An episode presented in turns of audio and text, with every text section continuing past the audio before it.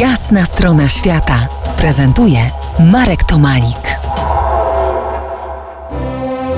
Moim i waszym gościem jasnej strony świata Maksymilian Rębisz, fascynat wypraw polarnych. Rozmawiamy o polarniku sprzed ponad 100 lat, o Shackletonie. Powiedz Max, czy twoje pokolenie może zainteresować postać Shackletona, czy też jesteś może jak ten biały żagiel na Oceanie Południowym sam w tym temacie? Znam kilka takich żagli. Zbieramy takie lunek i wkrótce myślę, że będzie można zainstalować te żagle na okręcie, na którym wszyscy płyniemy. Na pewno Shackleton może zainspirować, zainteresować. Przede wszystkim nasz świat potrzebuje autorytetów, a Shackleton takim na pewno jest. On był świetnym liderem, Znakomitym, znakomitym dowódcą. Znakomitym, znakomitym dowódcą, dobrym mówcą, potrafił opowiadać o swoich historiach w piękny sposób.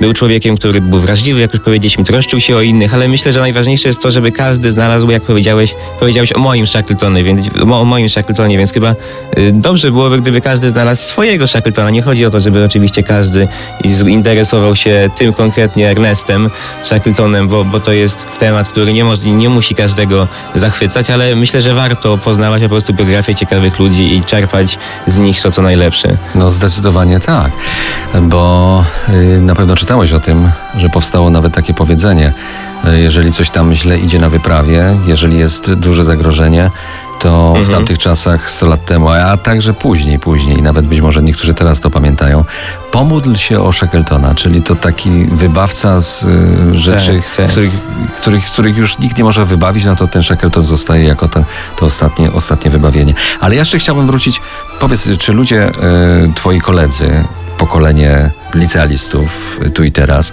e, interesują się wyprawami, interesują się z postaciami z historii, czy fascynują się. To mnie bardzo ciekawi. Nie, nie interesują się. Jeżeli chodzi o historię wypraw odkrywczych, to, to w ogóle jakby to jest temat, który po pierwsze jest gdzieś przemilczany w podręcznikach do historii. Wspomina się o Kolumbii i o tych słynnych wyprawach średniowiecznych, ale późniejsi odkrywcy, którzy mają naprawdę wybitny dorobek eksploracyjny są, są pominięci, także to jest temat wciąż nieznany, a szkoda, bo myślę, że w, w kraj, który ma w historii wiele wybitnych nazwisk podróżników. Polacy byli chyba wszędzie, tak? Strzelecki w Australii, Dybowski na Syberii i tak dalej.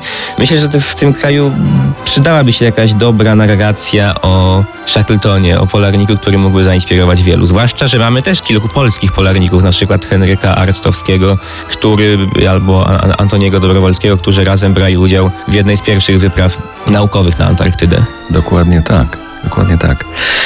Przypomnę, że moim i waszym gościem był Maksymilian Rębisz, młody fascynat historii wypraw polarnych, autor wypraw rekonstrukcyjnych. Zostańcie z nami po jasnej stronie świata. Usłyszymy się za niecały tydzień.